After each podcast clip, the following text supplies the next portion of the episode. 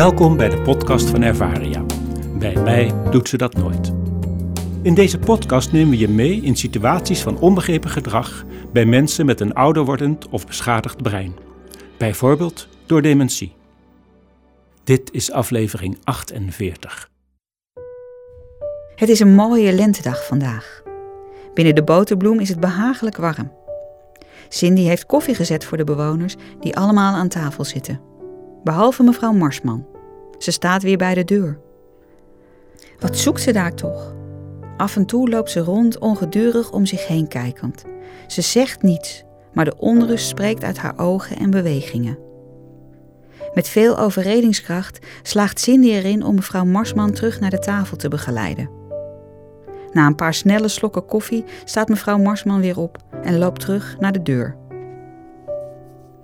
Ik vind dat we met Greta, de dochter van mevrouw Marsman, in gesprek moeten gaan. Misschien weet zij waarom haar moeder steeds de deur opzoekt, stelt Cindy voor aan haar collega's. Enkele dagen later hoort Greta Cindy aan. Ze kan in eerste instantie deze opgejaagdheid bij haar moeder niet verklaren. Thuis was haar moeder altijd de rust zelf. Hebben we hier andere gewoontes dan vroeger thuis bij uw moeder? vraagt Cindy. Ach, het enige is dat mijn moeder thuis op de boerderij altijd op pantoffels of sokken liep. Dat was bij ons thuis zo de gewoonte. Als je het woongedeelte binnenkwam, dan deed je de schoenen uit. Je deed alleen je schoenen aan als je naar buiten ging. Hier heeft mijn moeder altijd haar schoenen aan.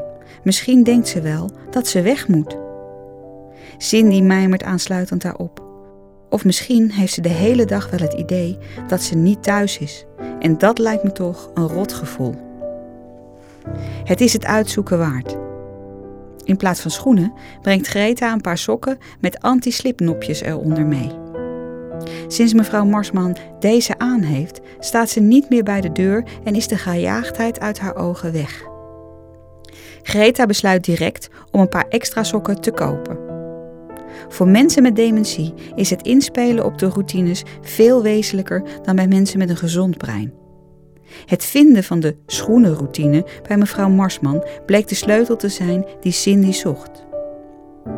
Door aan te sluiten bij de gewoonte om thuis sokken of pantoffels te dragen, werd de dag voor mevrouw Marsman en voor Cindy een stuk gemakkelijker en plezieriger. Bedenk dat we gedrag bij mensen met dementie soms beter kunnen begrijpen wanneer we kijken naar iemands gewoonte. Investeer in het vinden van die gewoonte en kies een eigentijdse oplossing. Het rendement is vaak heel hoog.